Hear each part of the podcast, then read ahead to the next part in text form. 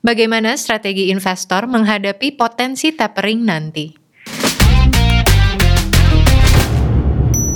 Berbagai perkembangan aktivitas ekonomi dan capital market, baik di Amerika Serikat dan juga di Indonesia, menjadi katalis outlook investasi kita ke depannya. Head of Research Mirai Aset Sekuritas Indonesia, Bapak Haryanto Wijaya, telah memilihkan beberapa fokus topik untuk dibahas di Superstock Indonesia Strategy Outlook. Halo Pak Har. Halo Bu Alia. Nah, langsung saja nih ya, kita bahas dari topik yang pertama, yaitu rencana tapering. Bagaimana nih perkembangan rencana tapering The Fed di 2021 ini? Pejabat The Fed mengindikasikan bahwa The Fed perlu melakukan tapering atau mengurangi pembelian obligasi yang run rate-nya saat ini sekitar 120 miliar US dollar setiap bulannya yang akan dilakukan di tahun 2021 ini. Pejabat The Fed juga mengindikasikan bahwa The Fed sepertinya akan mempertahankan Fed rate-nya uh, di mana uh, akan dipertahankan di tahun 2021 ini. Kami memperkirakan bahwa The Fed akan melakukan tapering sejak Desember 2021 ini. Apa yang bisa kita pelajari dari tapering yang pernah terjadi di tahun 2013 sebelumnya? Ya, dari tapering tahun 2013 kita bisa belajar beberapa hal. Yang pertama adalah taper tantum 2013, hal itu terjadi karena terjadi pembalikan masif dari yang tadinya foreign inflow sejak quantitative easing 2008 ke saham Indonesia. Terjadi pembalikan menjadi foreign outflow. Sehingga hal ini membuat saham Indonesia terkoreksi. Yang kedua yang menarik adalah terjadinya koreksi ini hanya pada saat perdebatan mengenai accommodative policy daripada the Fed. Yang selanjutnya kita melihat bahwa pada saat realisasi Fed tapering yang mulai Desember 2013, sebenarnya IHSG justru recover dengan cepat. Kesimpulannya adalah kita melihat bahwa noise daripada tapering ini hanyalah temporary jadi seandainya jika terjadi koreksi karena tapering isu ini, kita melihat ini adalah peluang yang bagus untuk membeli saham-saham yang berfundamental bagus dan perspektif karena kita melihat koreksi karena tapering jika seandainya terjadi itu hanyalah sementara. Oke, justru koreksi sementara ini yang seharusnya digunakan oleh para investor ya Pak ya? Iya, benar. Kalau kita melihat di chart ini, kita mencoba memplot antara pergerakan IHSG dengan pergerakan foreign flow ke saham Indonesia. Yang diarsir warna abu itu adalah pada saat debat mengenai accommodative policy pada The Fed. Yang warna garis biru ini yaitu sejak Desember 2013 itu adalah pada saat tapering memang benar-benar dilakukan yaitu sejak Desember 2013. Yang menarik dari chart ini adalah IHSG terkoreksi lebih karena foreign outflow dari saham Indonesia. Dan pada saat tapering emang benar-benar dilakukan di Desember 2013, sebenarnya IHSG langsung recover dengan cepat. Yang menarik adalah kalau kita ngelihat di tahun 2017 dan 2018, terjadi masif foreign outflow dari saham Indonesia sehingga kepemilikan foreign di saham Indonesia saat ini lebih kecil daripada kepemilikan pada saat tapering di 2013. Dengan adanya potensi tapering yang terjadi di 2021 ini, sebaiknya hal apa yang diantisipasi oleh para investor? Kita percaya bahwa dampak daripada tapering di tahun ini sepertinya tidak akan sebesar dampak tapering tahun 2013. Hal ini kita bisa melihat dari beberapa faktor. Yang pertama adalah makroekonomi Indonesia saat ini jauh lebih kuat dibandingkan makroekonomi Indonesia pada saat 2013. Kita bisa lihat dari cadangan devisa Indonesia dan kita bisa lihat dari current defisit Indonesia. Jumlah net foreign inflow ke saham Indonesia saat ini pada saat quantifying saat ini itu jauh lebih kecil jumlahnya dibandingkan pada saat quantitative easing sebelum taper tahun 2013. Kalau kita ngelihat kondisi makro Indonesia dibandingkan kondisi makro tahun 2013, CAD Indonesia saat ini kurang daripada satu persen daripada GDP Indonesia dibandingkan CAD Indonesia pada saat tapering 2013 yaitu antara 3% sampai dengan 4% daripada GDP Indonesia. Kalau lihat dari forex reserve atau cadangan forex Indonesia saat ini sekitar 144 miliar US dollar dibandingkan forex reserve pada saat 2013 2014 itu antara 100 sampai dengan 110 miliar US dollar. Hal ini tentu membuat Indonesia lebih siap dalam menghadapi tapering. Dengan jumlah investor pasar saham yang sangat meningkat di Indonesia sekarang ini, akankah ada perubahan yang cukup besar nih antara tapering di 2013 dan yang akan datang?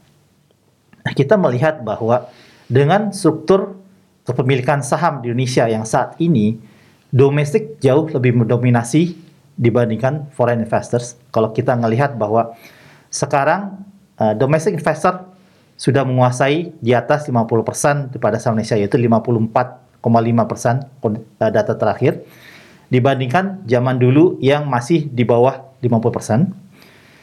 Dan kalau kita ngelihat juga jumlah retail investor sekarang sudah memiliki sekitar 25% daripada kepemilikan saham di Indonesia. Tentu ini membuat Indonesia siap dalam menanggulangi dampak negatif daripada taper yang bisa terjadi di tahun 2021 ini. Topik yang kedua adalah penurunan kasus COVID-19 yang cukup drastis di Indonesia sehingga membuat pelonggaran untuk berbagai kegiatan aktivitas. Bagaimana nih Pak di lapangan? Ya, kalau kita ngelihat usaha pemerintah dalam menekan kasus COVID-19 di Indonesia cukup berhasil ya. Kita melihat bahwa sekarang kasus COVID-19 sudah turun ke level terendah sejak Mei 2021 ini. Dan sehingga hal ini membuat pemerintah uh, merelaksasi daripada pelaksanaan PPKM. Dari yang tadinya PPKM darurat menjadi PPKM level 4 dan turun lagi ke level eh, PPKM level 3 dan level 2. Tentu ini membuat aktivitas ekonomi masyarakat kembali pulih secara gradual. Kita melihat dari Google Mobility Index uh, kita lihat bahwa kegiatan masyarakat juga mulai berangsur pulih. Untuk uh, proksi daripada ekonomi rekening ini, kita suka saham BSDE dan saham MAPA. Hampir seluruh emiten LQ45 telah merilis laporan keuangan Q2 2021. Bagaimana nih Pak proyeksi ke depannya dan sektor-sektor yang bisa menjadi sektor potensial? Kalau kita melihat daripada laporan second Q 2021 LK45, terjadi uh, perbaikan daripada uh, pertumbuhan laba bersihnya ya. Dan untuk sektor-sektornya yang kita ngelihat uh, terjadi perbaikan adalah sektor mining, sektor infra, dan sektor services. Ini uh, menghilangkan daripada penurunan yang terjadi di sektor consumer goods. Kalau kita ngelihat sektor mining, terjadi improvement signifikan untuk laba bersih ITMG dan laba bersih PTBA karena harga batubara yang trennya naik. Kalau consumer goods kita ngelihat laba bersih Unilever, laba bersih MSP masih terjadi tren penurunan. Untuk saham perbankan yang ada di LQ45, kita melihat ada tiga saham yang mencapai both consensus expectations, yaitu saham BMRI, saham BBNI, dan saham BBCA.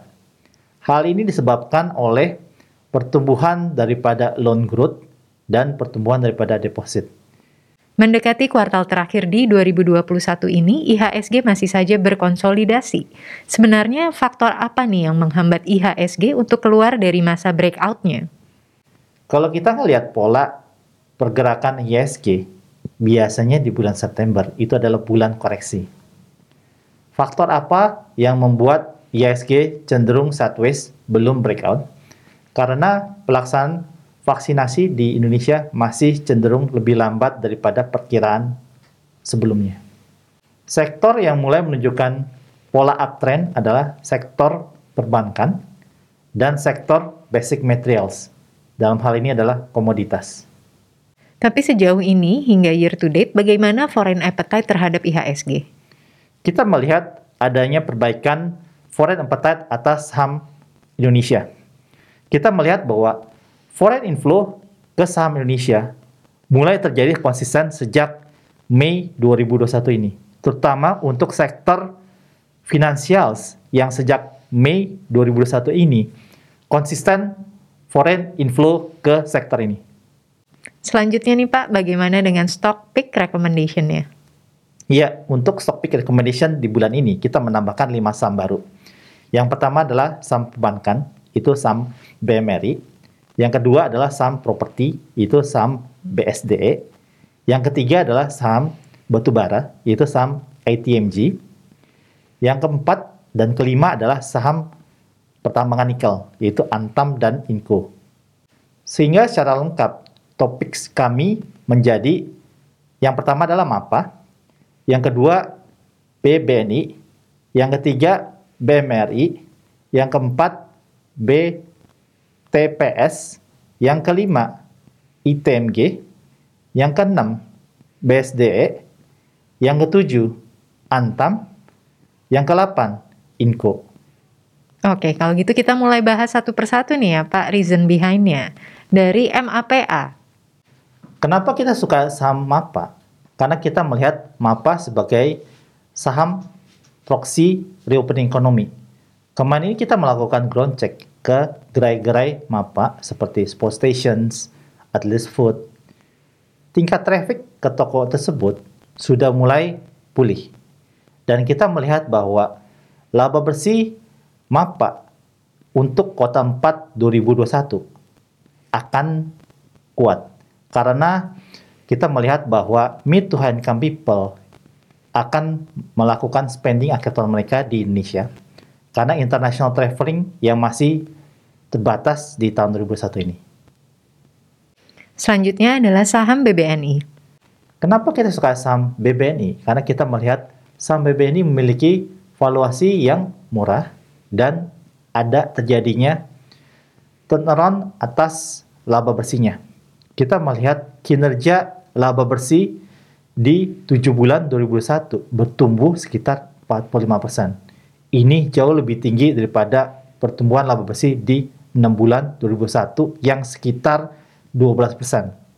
Kita melihat pertumbuhan laba bersih BBN ini akan terus berlanjut sampai dengan akhir tahun. Hal ini ditopang oleh pertumbuhan interest income dan pertumbuhan non-interest income. Kalau kita melihat kinerja 7 month 2001 BBNI, ini sudah melebihi perkiraan ekspektasi konsensus. Nah, selanjutnya kita suka saham BMRI. Kenapa kita suka saham BMRI? Karena kita melihat dengan dikonsolidasinya perusahaan BRIS ke BMRI, ini membuat pertumbuhan daripada loan dan pertumbuhan laba bersih BMRI akan bagus kita melihat juga launching daripada Livin 2.0 Super Apps di akhir tahun ini akan membuat BMRI bisa bersaing di garda terdepan dalam hal digital banking. Kinerja 7 month 2021 ini, BMRI laba bersihnya above consensus expectations. Some bulan sebelumnya yang kami masih pertahankan sebagai topik bulan ini adalah saham BTPS. Kita suka saham BTPS karena kita melihat bahwa earnings momentum daripada saham BTPS ini akan berlanjut di kuartal-kuartal selanjutnya. Kita melihat bahwa second Q 2021 earnings-nya yang bertumbuh karena pertumbuhan loan growth dan pertumbuhan daripada net interest income ini akan berlanjut di kuartal selanjutnya. Selanjutnya adalah saham dari sektor properti yaitu BSD ini, Pak. Kita suka saham BSD karena kita melihat bahwa kinerja pre-sales-nya yang bagus, yaitu sudah mencapai 65% untuk 6 bulan 2021 ini. Yang di mana kita melihat sudah mencapai 4,5 triliun atau bertumbuh sekitar 56% year on year dari target full year yang sekitar 7 triliun. Dan kita melihat adanya potensi katalis positif dalam waktu dekat karena daripada rencana ekspansi bisnis BSD ke data center. Di samping itu, BSD juga memiliki valuasi yang sangat murah. Kita melihat saat ini BSD diperdagangkan sekitar 70% diskon terhadap NAV konsensus. Dari segi PBV, kita melihat juga BSD sangat murah. Berikutnya adalah saham batubara yaitu ITM gini. Kenapa kita suka saham ITMG? Karena kita melihat bahwa pertumbuhan laba bersih saham ITMG ini akan berlanjut di kuartal selanjutnya. Kita tahu bahwa harga batubara trennya naik. Harga batubara di kuartal 2 itu jauh lebih tinggi daripada kuartal 1. ITMG memiliki kontrak jangka panjang dengan customersnya sehingga harga jual ITMG sekitar 3 sampai 6 bulan lag daripada harga spot price. Jadi harga second Q 2001 dan harga batubara yang bagus di semester 2 ini baru akan kereflek di laba bersih ITMG di semester 2 2021 ini. Di samping itu juga ITMG berencana untuk membagikan interim dividen. Ini tentu menjadi katalis positif untuk jangka pendek. Bagaimana dengan saham Antam nih? Kenapa kita suka saham Antam? Karena kita melihat bahwa Antam sebagai saham tambang nikel ini akan diuntungkan dengan pola harga nikel yang trennya naik. Kita tahu bahwa Antam juga berencana untuk menaikkan produksi nikel ore-nya karena demand atas nikel ore Antam itu naik signifikan dari domestic smelter. Antam menargetkan nikel ore production naik dari sekitar 4 jutaan menjadi sekitar 8 jutaan. Tentu ini akan salah satu booster daripada laba bersih Antam. Dan yang terakhir adalah saham pilihan yaitu Inco. Ya, kenapa kita suka Inco? Karena kita melihat Inco sebagai salah satu tambang nikel juga diuntungkan oleh harga nikel yang trennya naik. Dan kita melihat bahwa production Inco di semester 1 yang kurang bagus, ini sudah terrefleksi di harga sahamnya. Kita melihat kinerja laba bersih Inco akan improve di kuartal-kuartal selanjutnya karena harga nikel yang trennya naik dan yang kedua adalah gradually improvement daripada production nikel daripada Inco. Baik Pak Har, terima kasih atas informasi outlooknya. Sama-sama Bu Alia. Semoga informasi Outlook strategi tadi dapat membantu sahabat Mirai Aset untuk mengatur strategi berinvestasi dan make a good investment decision.